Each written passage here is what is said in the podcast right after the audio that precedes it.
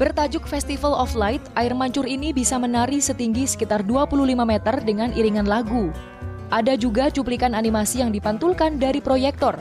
Pertunjukan ini tayang sebanyak tiga kali, yaitu pukul 7, 8, dan 9 malam di area salah satu pusat kuliner di Surabaya Barat hingga 17 Juli. Anak-anak yang masih berusia di bawah lima tahun tidak dikenai harga tiket masuk. Sementara untuk anak berusia di atas lima tahun harus membayar tiket masuk Rp35.000. Ya pertama dekat rumah, lalu anak-anak juga suka lihat lampu-lampu gini lah pas malam. Gitu. Ini kan wisata baru juga di Surabaya. Gitu. Tadi kesannya gimana? Oh, untuk pertunjukan air mancurnya, ya keren sih. Biasanya kan ada yang di Jawa Timur di Batu. Cuman sekarang karena dekat rumah ya kita mampir ke sini.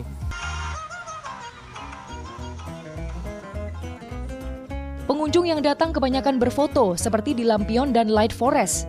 Sementara tema yang paling diminati pengunjung adalah Gunung Fuji. Pada hari biasa, jumlah pengunjung yang datang ke Festival of Light sekitar 100 orang. Sementara pada akhir pekan mencapai sekitar 500 orang.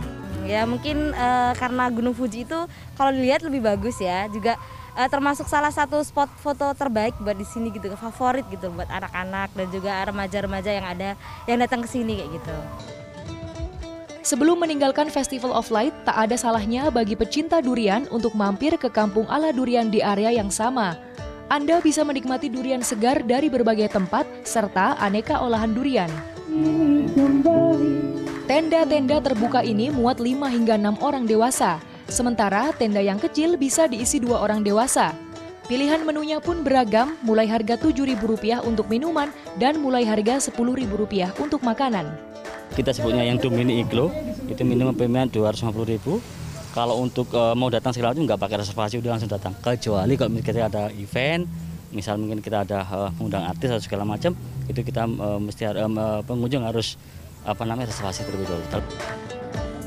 Pada hari biasa, pengunjung yang datang sekitar 50 hingga 70 orang, sementara pada akhir pekan bisa mencapai sekitar 100 orang.